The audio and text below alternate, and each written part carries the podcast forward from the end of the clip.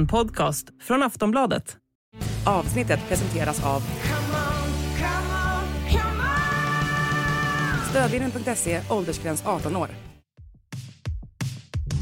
För 101 dagar sedan landade Ulf Kristersson sitt nya gig. Ett gig där man måste prestera på den absoluta toppen av sin förmåga hela tiden. Där inget får lämnas åt slumpen eller slarvas bort. Där livets hårda skola får en helt ny dimension eftersom allt man gör påverkar någon annan. Så hur flitigt har han slitit? Hur ser det ut med uppförandet? Vad går egentligen bra och var finns det utrymme för förbättring? Idag är det dags för utvecklingssamtal för statsministern med Sveriges kanske strängaste men också mest rättvisa magistrar, Lena Melin och My Råväder. Jag heter Olivia Svensson och du lyssnar på Aftonbladets politikpodd En runda till.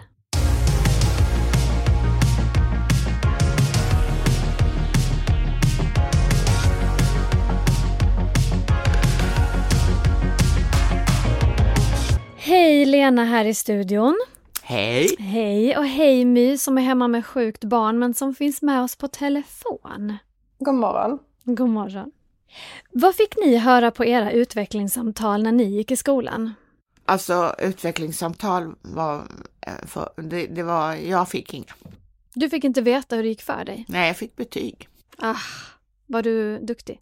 Ja. Ja, det kan jag tänka mig. Vad fick du höra My? Alltså det enda jag minns att jag har hört är så här, jobba på, gör vad du gör. Men jag har i och för sig haft ganska många oengagerade lärare så det kanske är därför.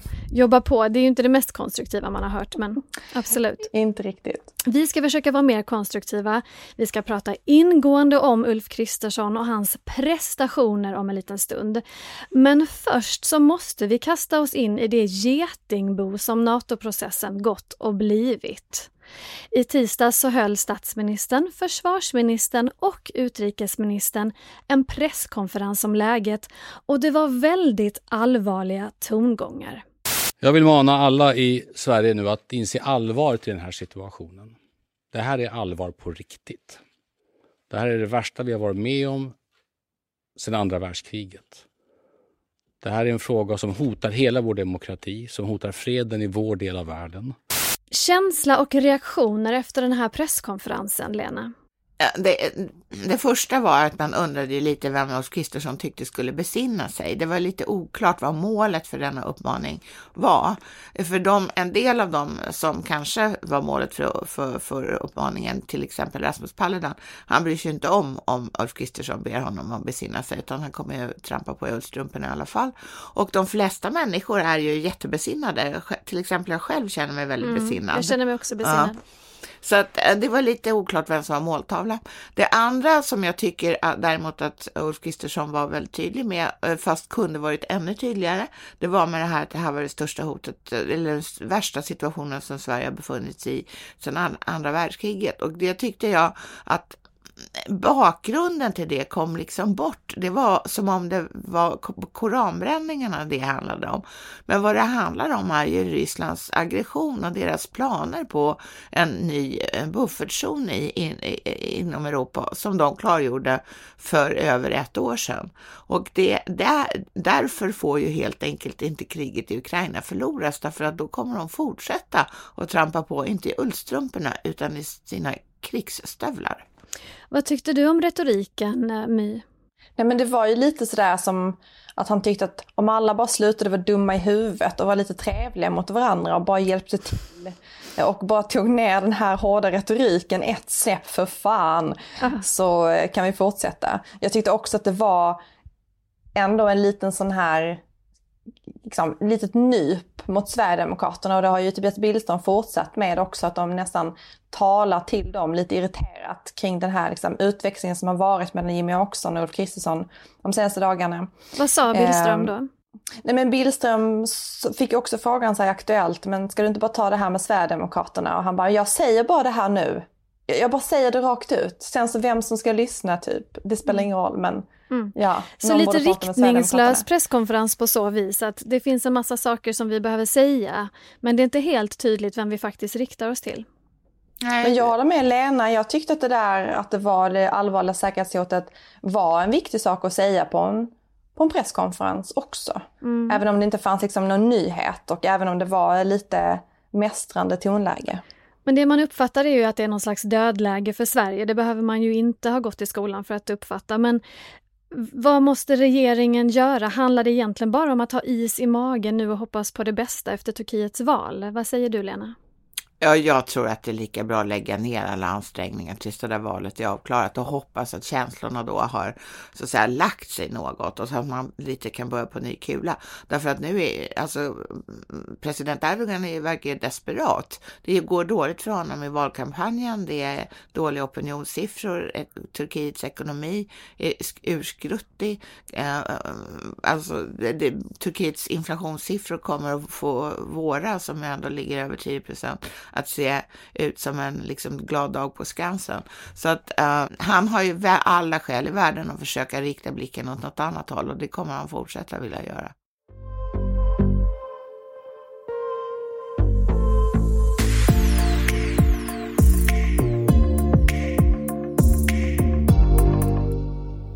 I centrum för den här processen för Sveriges del så står ju Ulf Kristersson, vilket för oss in på det vi ska göra här idag, nämligen hålla ett utvecklingssamtal. Lite över hans huvud får vi också säga då. Eh, och jag vill att ni ska agera Ulfs lärare. Jag får vara tillförordnad vårdnadshavare ska bli jättespännande. Eh, jag ska då telepatiskt hålla hans hand medan ni levererar era omdömen. Lite betygssituation kan man säga. Och det är ju då eftersom det har gått över hundra dagar sedan Ulf valdes. Det finns som ni märker en första gång för allting. Låt oss gå in i klassrummet. Känns det bra? Absolut. Jag undrar liksom var vi befinner oss. Mm. Så här, är vi på universitetet? Är vi på lågstadiet? Alltså jag tänker så här, hade det varit Stefan Löfven, mm. då hade jag sagt att det var grundkurs i litteratur på universitetet. Machiavelli-time. Men med Ulf Kristersson så tänker jag mer högstadiet. Jag tänker vi kanske ska vara överens om vad vi är. Det är ett kompisgäng som egentligen inte är så bra kompisar, de hänger. Mm. Det visar sig inte vara helt oproblematiskt. Ulf Kristersson är ledaren från början, han var allas kompis från början men egentligen så är liksom Jimmy Åkesson den coola ledaren, den coola kompisen. Jag tycker att jag ser uh, Ulfs teckningar på väggen. Uh, där han har ritat olika saker. Ja, men han har ritat när han sitter i ett flygplan. Uh, han har ritat lite drömmar om framtiden och sådär. Uh, kanske, mm. kanske har han ritat sig själv i en superhjältedräkt. Och den sitter, vi och ja, den sitter vi och tittar på. Men okej, vi är någonstans i grundskolan då. Ja. Så är vi med på vad vi är. Ja, men det tycker jag känns jättebra. Och då vill jag veta, vilka är Ulf Kristerssons huvudsakliga uppgifter? Det kan verka som en lätt fråga, men vad är det som förväntas av honom? Nej, han leder ju regeringens arbete. Regeringens arbete går ut på att de är, eh, lägger förslag på riksdagens bord och då förhoppningsvis får de godkända av riksdagen. Men han representerar ju också eh, Sverige utåt. Alltså, regeringen har ju i princip näst, i alla fall nästan monopol på utrikespolitiken. Den har inte riksdagen så mycket med att göra. Så att Sveriges utrikesrelationer är ju en stor del av hans ansvarsområde, även om det också finns en utrikesminister. Om vi då börjar med det positiva, det tycker jag man ska göra på ett utvecklingssamtal. Det känns som att det är trevligt. Vad är han bra på? Vad har han lyckats med under de här 101 dagarna? Ja men det är ju lite svårt eftersom han kom in med ett stort bagage. Kanske hade hans förra klass inte en så bra lärare. Det hade han liksom halkat efter i eh, svikna vallöften, i NATO-processen, en jobbig relation till sin nya kuliga kompis, Sverigedemokraterna. Mm. Eh, så det han är bra på som vi har sett sen innan, det är väl att ha ett, liksom ett lite mer lugna, det här tänkande ledarskapet, att vara den vuxna i rummet. Så det är han ju bra på, men frågan är ju liksom vad det får för uttryck sen. Vad får det för resultat? Och det är ju resultaten som vi väntar på. Eh, och, där, och där säger han ju hela tiden att det handlar om en lång process det handlar om att vi ska vara metodiska och att vi ska ge det lite tid. Det här är ett maratonlopp och inte ett sprintlopp som vi som springer ibland brukar säga att man måste vara väldigt systematisk, man måste vara uthållig, man måste ta steg för steg. Där är, det är ju också väldigt vuxet. Ja men om man ser på liksom utvecklingen under de här dagarna så har det ju visat sig vara svårare att få bukt med de problemen eh, som har funnits än vad den här regeringen trodde. Så att jag skulle säga att utvecklingen står ganska stilla och att hans utmaning framåt är ju nu att kicka igång det här. Och gör de här, den här veckan och de här presskonferenserna eh, det här med att typ 400 dagar sedan man kom till makten. Det är ju liksom ett tecken på att det kanske inte har hänt så mycket för man måste ha stå, slå på stora trumman för att visa det som har hänt istället för att liksom jobba på. Ja, och det är bra för vi kommer ju såklart att eh, prata om vad det är han har att fixa framåt. Men Lena, du måste säga lite bra grejer som Ulf har gjort. Ja, men, jag, jag tycker att han har en bra verbal förmåga. Det, eh, alltså han är bra på att uttrycka sig, han är bra på att klä saker i ord. Sen är, eh, tyvärr så backas ju det inte alltid upp av en action, som man skulle säga på engelska, alltså att han gör det där. Mm, och det, det är ju tråkigt därför att han skulle behöva en mer konsistent linje så att säga. Nu före valet så delade Ulf Kristersson upp Eh, sin plan för den nya regeringen i tre faser. Den första var de första hundra dagarna, nästa var de första hundra månaderna och de sista, eh, nej det var inte, inte hundra åren, hundra veckorna var nummer två och hundra månaderna var nummer tre. Eh, och det, det, där skulle han ju kunna hålla fast vid, men jag, det var väldigt länge sedan jag hörde någonting om någon, någon som sträcker sig längre fram i tiden än några veckor. Jag ska säga något som jag tycker att han har gjort bra. Det är ju ingen som har slutat, det är ingen som har avgått, det är ingen som har tvingats avgå. Hans statssekreterare PM Nilsson som fiskar ål olagligt, han, har ju fort, han sitter fortfarande kvar. Alltså inte det är rätt bra ändå att hålla ihop sitt gäng så här lång tid som hundra dagar? Jo, det är en fjäder i hatten. Mm. Det har ju tidigare varit ett problem att eh, se till att alla håller sig på samma kant. Ja, och den, man kan ju befara också att spänningarna i den här bräckliga konstruktionen som den här regeringen ändå är med, med som är beroende av ett stöd från Sverigedemokraterna, att det skulle kunna uppstå saker när folk plötsligt avgår i vredesmod eller, någon, eller för att de har sagt något dumt. Ehm, men än har inte det hänt. Budgeten då My, är inte det en, en framgång för eh, Ulf? Du söker med ljus och lykta här. Jag hade inte varit en bra lärare, jag är alldeles för opedagogisk här. Um, Jo, fast det är klart att man får igenom sin ekonomiska politik när man har en majoritet i riksdagen som han ju ändå som han har, skapat sig med sitt mm. regeringsunderlag. Absolut, men jag håller med Lena, som jag sa innan också, att det handlar ju om att han har ett, eh, ett, ett bra ledarskap. Eh, men att, det handlar ju, men att det måste ju också ge resultat och där är det lite mer bristfälligt. Vi kanske ska prata om hans utvecklingspotential då lite låt senare. Oss göra, eh, eh mm. Låt oss gå vidare till hur han har utvecklats under de här dagarna. Kan man se någon förändring i hans beteende, i sin ledarstil? Har det hänt någonting med honom sedan han faktiskt blev statsminister, Lena? Han är i alla fall oerhört glad över att ha blivit statsminister och skäms inte för att visa det. Eh, det, det är närmast rörande, eller jag vet inte riktigt vad man ska kalla det för. Men eh, för att han har låtit sig fotograferas med mm. flyttkartonger i Sagerska huset. Han har låtit sig fotograferas på Harpsund som är statsministerns officiella residens utanför Stockholm. Och han har låtit sig fotograferas i de här mysiga fåtöljerna på regerings, i regeringsplanet. Så att han är verkligen, han är så glad över att ha blivit statsminister. Hur länge kommer den glädjen hålla i sig tror du My? Ja men den kommer nog hålla i sig länge för Ulf Kristersson för att det här har verkligen varit någonting som han har suktat efter i många, många år. Mm. Så att det kan nog hålla i sig och det är väl bra för att om det går lite knackar för regeringen så behöver man ju hålla sig fast vid någon slags glädje om man ska orka ta tag i sitt arbete.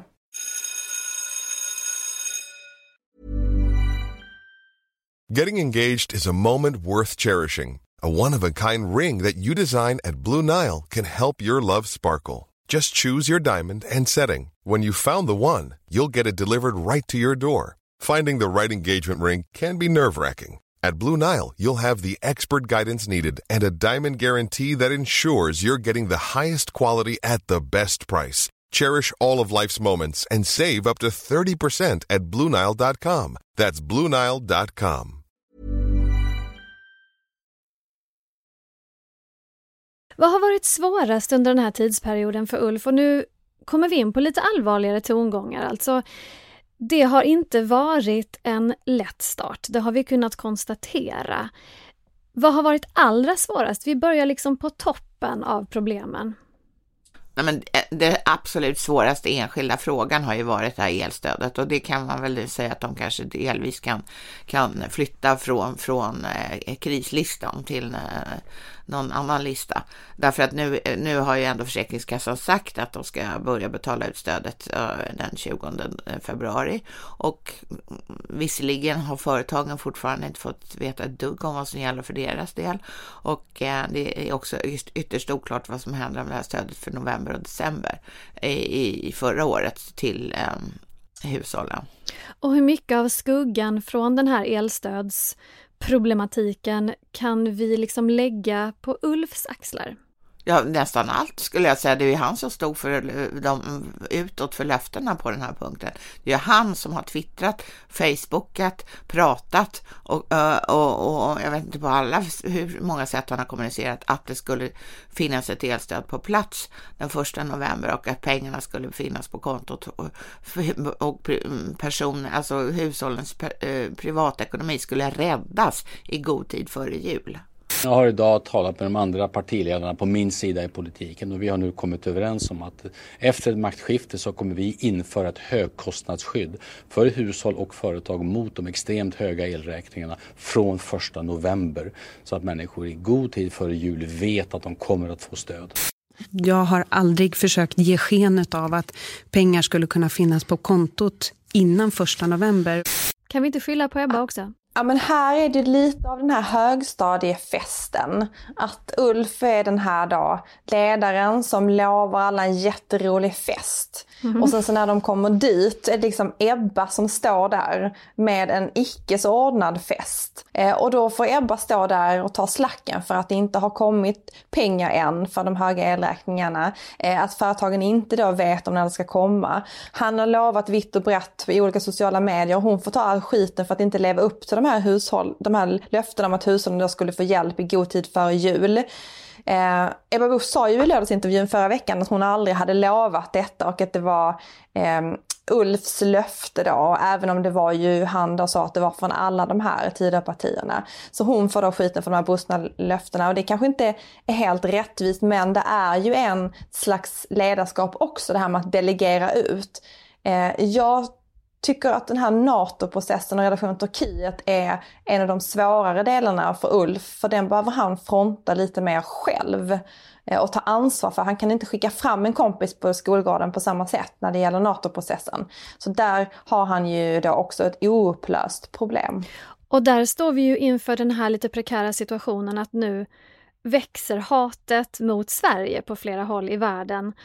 Och det blir ju liksom en reflektion av Sverigebilden, det blir en reflektion av honom som statsminister. Där känns det som att han har fått en, en otrolig huvudvärk. Absolut. Alltså, där måste jag säga att jag tror jag faktiskt han har lite sig själv att skylla. För att jag tror att det hade varit bättre att Ulf Kristersson var lite fastare i sin retorik i den här frågan mot Turkiet vid ett tidigare tillfälle än nu. Eh, det var väldigt fjäskande för eh, eh, president Erdogan där ett tag. Medan han, Ulf Kristersson själv åkte till Ankara och hade med sig en väldigt påkostad present får man säga. Alltså det var en replik av ett gammalt avtal mellan Sverige och Karl XII. Uh, och sen var också Tobias Billström där. Mm. Så att det, det, det, är klart att de ska göra vad de kan för att för den här ansökningsprocessen ska bringas till ett slut. Men man kan också välja hur man gör det. Sen är det ju fortfarande krig i Europa. Det är fortfarande en ekonomisk kris som eh, alla känner av nu för tiden. Hur tufft är det för Ulf att hantera? Alltså det tror jag har spett på den här ilskan när det gäller elstödet. Att så att säga alla, det är inte bara elen som har blivit dyrare utan det är ju precis allting. Och maten gick ju upp 15 procent då förra året. Så att det eh, allt det där sammantaget har ju gjort att ilskan kring just själva elprisstödet har, har, har nått monumentala nivåer. Sen är det ju det här med klimatet. Vi beskyller folk för att inte prata om klimatet, så då måste vi faktiskt ta upp det själv. My, hur eh, räddar vi planeten med Ulf vid vår sida?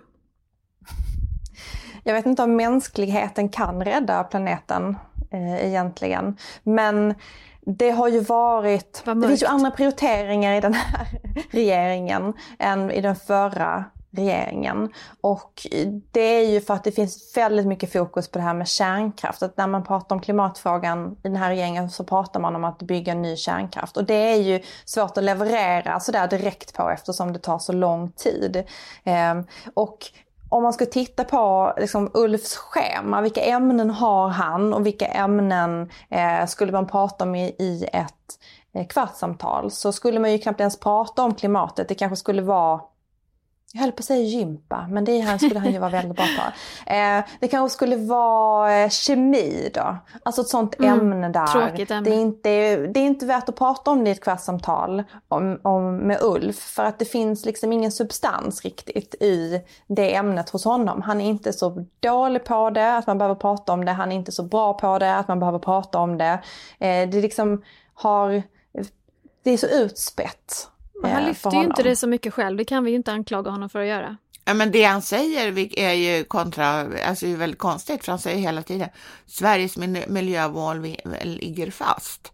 Jo, men det, det som hans regering hittills har gjort på det här området är ju att göra målen mycket betydligt mer avlägsna. De kommer helt enkelt inte infrias vid, vid den, den tidpunkt som de skulle infrias. Sen har ju Kristersson inte lyckats lösa den här lilla pucken med kriminaliteten i Sverige, ökade skjutningar, gängvåld och så vidare. Och där presenterade ju Tidögänget i morse fyra nya förslag mot brottsligheten. Men känns det som att vi här måste ge Ulf eh, is i magen? Vi måste själva ha is i magen. Ja, men alltså, jag tycker att hans löfte om att på hundra dagar skulle man typ fixa kriminaliteten, nej det var inte riktigt så formulerat utan mera, men det, det, det skulle sättas igång en mängd saker eh, de hundra första dagarna. Det äh, har inte skett, men nu, äh, nu verkar det rulla igång äh, lite mer. Men det tycker inte jag att man, jag tycker att det var dåligt sagt av honom därför att det var i han saknade realism. Däremot tror jag inte man kan betvivla det ärliga uppsåtet från den här regeringen att de vill göra någonting åt den grova brottsligheten. Nej men det här är ju ett sånt där ämne där han är överentusiastisk eh, och att vi vet ju, det vet ju han också, att det är ju ingenting som kommer att lösas på väldigt kort tid. Samtidigt så är det en stor fråga för människor så de måste visa på slagkraftighet. Så det är ju inte förvånande att nu när de har hållit de här presskonferenserna, att de har hållit det på migrationen, gängkriminaliteten. Lite överraskande att det var energi och klimat, men det var ju för att man kunde prata om kärnkraft. Eh, så att det är ju, Ehm, det finns en stor press att leverera här. Och det, han försöker göra det. Men igen så handlar det ju om vad blir resultatet. Det vet man ju inte än. Men den här liksom våldsvågen i Stockholm efter jul, eller som började under själva julhelgen, den har ju kommit väldigt olägligt för regeringen, det måste man ju ändå säga. För nu kan de inte säga att Sverige, Sveriges absolut sämsta justitieminister är Morgan Johansson, han klarar ingenting, utan det är någon, en av de egna som inte har klarat någonting enligt deras sätt att definiera det förut. Ja, för även om man vill skylla saker bakåt så händer ju så att säga det här på deras skift. Mm. Och, och det kan man inte bortse ifrån. Nej. Fast man, man måste man underskatta politiken om man tror att man inte kan skylla på någon annan i alla lägen. Man kan alltid skylla på någon annan i alla lägen. Så att de skulle nog mycket väl fortfarande kunna tycka att Morgan Johansson är eh, ansvarig för detta. Utan det gäller i skolan och det gäller i politiken. Men jag, tror, jag, tror, jag tror, inte att det skulle få samma så att säga, eh, klangbotten i, i, nej, nej, det skulle i befolkningen. Det inte få. nej, det skulle det verkligen inte få. Men det, när har det stoppat dem? Aldrig. Relationen till Sverigedemokraterna då? Hur står Ulf eh, och Jimmy Åkesson bredvid varandra på skolgården? Vad har de för relation nu? Men jag, jag, jag tänker då att om man ska prata om hur han samarbetar med sina klasskamrater så är det ju så att någonting håller på att hända i det här kompisgänget i skolan och det håller på att börja spräta ordentligt i regeringsunderlaget. Eh, det är det ministrar som säger saker som Ulf Kristersson måste rätta till, Tobias mm. Billström. Johan Persson som säger något annat än Ulf Kristersson. Han kommenterar den här Erdogan-dockan. Eh, det vill säga att han underströk den svenska yttrandefriheten eh, lite hårdare, att det inte är problem med här aktion även om den är osmaklig. Jimmy Åkesson som är sur för att Kristersson har anpassat sig efter Turkiet och han vill att hela världen ska veta det. Alltså det vi ser är att de inte riktigt håller ihop. Och det måste ju det här regeringsunderlaget göra för att de har bara två rösters majoritet. Och börjar det svaja här så finns det ju risken att osäkra liberaler till exempel, inte röstar på regeringens politik i enskilda frågor. Och skulle det börja hända så är det liksom ett nedsluttande plan. Och vi hör ju hela tiden hur de skryter om att de har en majoritet och det förstår jag. Det måste vara jätteskönt att ha det och få kasta det i ansiktet mm. på Magdalena Andersson som mm. inte hade det, och det blev ju väldigt jobbigt. Eh, de trycker Men... upp det här tidavtalet i facet så fort de kan. Verkligen, jag förstår det. Jag förstår att det känns jätteskönt. Men blir det för stora sprickor så kanske små fåglar kommer lämna det här boet. Så att det är ju fortfarande viktigt att hålla ihop underlaget och inte börja visa upp för stora sprickor. Så när det kommer till liksom, det sociala i den här klassen så finns det ju en hel del att göra för det här gänget. Alltså jag tycker att den här senaste veckan har eh, varit väldigt illavarslande för Ulf Kristersson på just den här punkten, sammanhållning. Och det ena handlar om eh, vad, eh, vad Jimmy Åkesson skrev på Facebook om där han i princip läste lusen av, av, uh, av uh, Ulf Kristersson utan att nämna honom vid namn. Om, uh, och då där han tyckte att det här, det, försvaret för den svenska yttrandefriheten var för svag från Kristerssons håll. Och det är ju första gången tror jag någonsin som, som Jimmy Åkesson har framstått som yttrandefrihetens vita riddare, men nu är han det i alla fall. Mm. Och sen så var det den här, den här beefen med, med Ebba Busch Bors när hon liksom öppet tar avstånd från den historieskrivning som regeringen har när det gäller eh, elstödet och som hon också själv har skrivit under på i en debattartikel. Alltså det här med att eh, systemet ska vara på plats den första november och pengarna betalas ut före jul. Men nu sa hon ju plötsligt att det har jag aldrig lovat. Och här blev jag väldigt förvånad därför att är det någonting som jag har tänkt har varit stabilt så är det att Ulf Kristersson och Ebba Busch är bästisar. Ja. De går hand, och hand, hand i hand till matsalen. De leker till och med efter skolan. Eller hur? Men nu, nu får Ulf inte komma hem till Ebba skulle jag säga. Hmm. Vad tror du med? Ser du samma problem? Ja, jag tror att det är så här att alla börjar liksom leta efter lite nya kompisar i den här klassen. Någon, någon liksom allians att stärka upp det med. Det blir ju så om man har en ledare som börjar tappa kontrollen, att man måste hitta nya allianser i det kanske innebär, gäng. Ja, det kanske innebär att Johan Persson kommer få vara med och spela kula lite mer. Jag tror att alltså, Ulf Kristersson kommer bli, bli tvungen att göra sitt yttersta för att hålla ihop den här gruppen. Och det beror på att äh, hans regering har stöd av 29 procent av väljarna. 29,0. Mm. Äh, det är alltså färre röster bakom de tre partierna som sitter i hans regering än som röstade på Socialdemokraterna. Det, äh, så bara där finns ett stort, starkt behov av att hålla ihop den där gruppen på tre partier. Det är väldigt många bollar att ha i luften samtidigt. Ja, herregud, jag avundas inte honom. Han ska hålla bollar i luften. Och vilka bollar är de viktigaste? Att kunna fånga och att kunna liksom skapa någonting av. Var ska han lägga sitt fokus den här terminen? Men det viktigaste är ju svensk säkerhet i vid bemärkelse. Det, handlar, alltså det, det kan man inte komma ifrån. Det, det ska komma el i elledningarna, det ska, eh, vi ska eh, ha ett försvar värt namnet, vi ska ha kompisar på försvarsområdet som eh, rycker ut och det har ju många redan gjort trots att vi inte är medlemmar. Men i NATO så har ju ändå många lovat att rycka ut ifall det skulle hända någonting. Till exempel Storbritannien och USA. Och äh, hans, usch, det är så mycket stack, stackaren som står på den här to-do-listan. Jag blev nästan så här nervös. Och det är liksom, så ha någon ordning på ekonomin, för annars går det åt helvete på den, med allting, med jobben och sånt där. Och eh, det måste bli lugn och ro i folks bostadsområden. Det kan inte vara så att folk ska undra om de ska få en kula i huvudet när de går ut. Det vill vi helst inte. My, vad säger du? Var ska han satsa sitt krut? Ja, men alltså, ingen har ju varit mer förberedd på det här än Ulf Kristersson. Han har köpt nytt pennskrin, han har köpt nya kläder, han har spanat in det här klassrummet i många, många år. Bara längtat ja. att han liksom har få bli äldre. Mm. Absolut. Mm. Och så har han alla de här utmaningarna. Eh, jättesvåra. Eh, jag tror att ett mål som han behöver sträva efter det är ju att ta saker i mål. Alltså alla de här stora idéerna de måste ju omvandlas till verklighet. Det eh, håller, jag, det håller jag verkligen med om. Det är bra, ja, var bra vi... uttryckt. jag vill mm. återkomma till det som jag då fick höra på mina uh, utvecklingssamtal. Alltså jobba på. Jobba på. Eh, det är Låt det stå, enda man kan göra. utropstecken, jobba på. Låt stå, jobba på. Mm. Eh, men att man kan inte bara tänka, man måste göra också. Och det har ju varit så som folk har beskrivit liksom en brist hos Ulf Kristersson sen tidigare eh, som ledare. Att det är många stora idéer men att det är lite svårare att få dem eh, liksom, igång, att få igång de här hjulen. Och det måste han göra, han måste ta med saker i mål.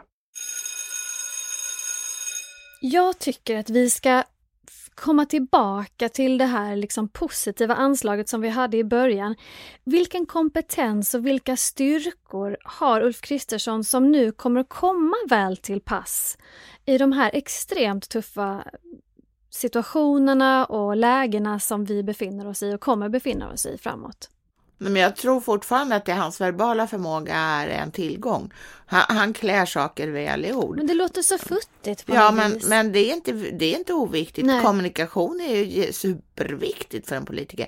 Men precis som My sa då förut, det gäller att få grejerna i mål också. Man kan inte bara prata, hur vackert man än pratar, utan man måste leverera också. Och då tycker jag, det, det hänger inte väldigt mycket på vilken typ av organisation man har byggt upp som inte har med partiledarna att göra, utan ens närmsta personer, alltså jo, statssekreteraren till exempel, den här typen där, av fundament. Och då skulle jag vilja komma tillbaks till, ål, eller komma till ålfisket som vi bara snabbt eh, eh berörde tidigare här.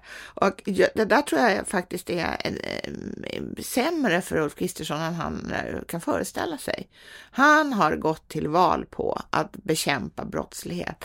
Ärlighet varar längst, ljug inte begå inga brott. Du, liksom, håll dig på mattan. Det är viktigt. Mm. Och när det då visar sig att han har godkänt det, alltså han har velat anställa en medarbetare, PM Nilsson, som en av sina närmaste medarbetare som statssekreterare med ansvar för strategisk planering, då, och får då veta innan han anställer honom att nej men, eh, PM Nilsson tjuvfiskar. Mm. Uh, det är oklart om Ulf Kristersson visste också att PM Nilsson har tjuvfis gjort tjuvfiske till en alltså säga, överskuggande ideologi när man så, slåss för Blekingebornas urgamla rätt att fiska sin ål. Men det har han gjort, han har tjuvfiskat skitlänge. Ja. Men Sen har det då dessutom visat sig att PM Nilsson har ljugit om det här vid två tillfällen åtminstone. För Havs och vattenmyndigheten när de tog honom på bar gärning och eh, sen för polisen. Men ingenting om detta berör Ulf Kristersson och då undrar man hur viktigt är det egentligen för statsministern det här? Är det bara vissa som, som ska följa lagar och förordningar eller är det alla? Men ligger han inte sömnlös över det här? Tror ni inte det? Du säger att han inte bryr sig, men är det inte så att han verkligen, verkligen gör det, men att han känner att han inte har något val? Han har ingen annan person att byta ut? Nej, men vadå, han behöver väl inte ha någon för strategisk planering varenda dag? Det, det räcker väl om någon, det kan man... Jag tycker det, det låter som att det är precis just det han behöver. Ja, men den känns som att jag tror att man kan ha vakant en månad eller så. Vakans i dessa tider, Lena. ja. Det går inte jag med på. En vikarie, en lärarvikarie. Mm. Vad säger du, eh, My? Jag håller med Lena i det här att det här är en väldigt märklig och svårbegriplig händelse ändå i den här regeringens tid. Att ehm, eh, det här målfisket. Eh, ja, men styrka, jag tror att när vi går in i en tid med kris så, precis som Lena säger, så är han ju bra retorisk och han kanske har, han har ju möjligheten då att kanske lugna människor eh, med, med saker som han säger istället för att liksom leverera politiken. Eh, ha den här samlande effekten när vi går in i en lågkonjunktur, om den här krisen slår väldigt hårt mot de svenska hushållen, om det här kriget trappas upp, eh, så behövs ju en, liksom en lugn och sansad ledare och de kvaliteterna har han ju. Ska vi inte avsluta då med att sätta upp tre mål för Ulf? Och sen när det har gått ytterligare en tid så kollar vi lite hur det har gått. För det tycker jag är god utvecklingssamtals etikett. Ja. Ska vi gemensamt försöka ge oss på tre mål? Och de ska ju vara görbara, så det ska ju kanske inte vara lös kriget i Ukraina eller liksom hitta, Nej, men lös jag tycker, liksom, jag, jag, klimatfrågan. tycker, jag tycker det första kan vara det som vi har varit inne på här. Eh, följ upp det du själv lovar. Mm. Ja, men jag håller med på det. Säg bara som det är. Jag tycker att det verkar vara väldigt svårt. Eh, att bara säga som det är. Det var svårt under valrörelsen och det har varit svårt nu. Ehm, eh, ja, att färre presskonferenser som inte innehåller någon information. Om Otroligt du inte bra. har gjort någonting, eh, då behöver vi inte prata om det. Det här är verkligen liksom på en ny nivå, tycker jag. Eh, och det är klart, om man sätter jättehöga mål för sig själv, lösa kriminaliteten, eh, se till att människors ekonomi inte kraschar under en jättesvår vinter med inflation och höga, elräkn hö höga elräkningar. Mm. Men det är klart, det är svårt, men ja, Ja, men ett, sakta ner. Säg, säg när det finns något. och ett tredje mål då, Lena? Ja, men jag tror också att eh, för honom själv, det här är ju väldigt personliga mål då, det är liksom låt inte, ge inte sken av att någonting är skitenkelt som inte är det. Det handlar ju både om det här med brottsligheten och till exempel om kärnkraften och sådär, att det är liksom, det som, som Ulf Kristersson älskar att framställa det så är allting jätteenkelt. Få något gjort som var det som han höll på att tjata om i hela valrörelsen. Ja, men ibland är det inte så lätt att få något gjort, utan det, problem kan vara väldigt komplicerade tyvärr. Med det här tycker jag att vi sätter punkt för det här utvecklingssamtalet. Vi hoppas att Ulf Kristersson lyssnar på det här och att han kanske stoppar ner era synpunkter i ryggsäcken. För Det framtida bruk. Tror du inte det? Nej, han tänker vilka, oh, vilka idioter, tänker han. Om Åh, han överhuvudtaget... Han har för mycket att göra för att lyssna på det här kanske. Vi får se. Kanske någon medarbetare Med kan all, sin, med berätta. all sin ödmjukhet tänker han, vilka idioter. Jag tror att han lyssnar därför att Ulf Kristersson gillar att vi pratar om honom. Det är min misstanke faktiskt. Blir han i bilen hem till Strängnäs Absolut. så försjunker han. Ja, man Hej, vet Ulf. aldrig. Okej, slut för idag. Tack för idag Lena och My. Tack detsamma. Tack.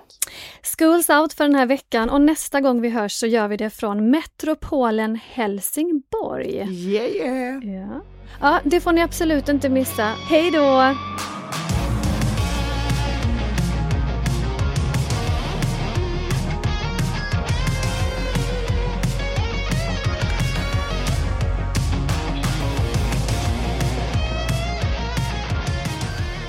Du har lyssnat på en podcast från Aftonbladet. Ansvarig utgivare är Lena K Samuelsson.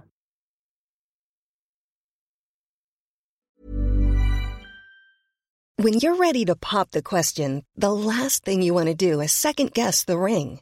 At Bluenile.com, you can design a one of a kind ring with the ease and convenience of shopping online. Choose your diamond and setting. When you find the one, you'll get it delivered right to your door. Go to Bluenile.com and use promo code LISTEN to get $50 off your purchase of $500 or more. That's code LISTEN at Bluenile.com for $50 off your purchase.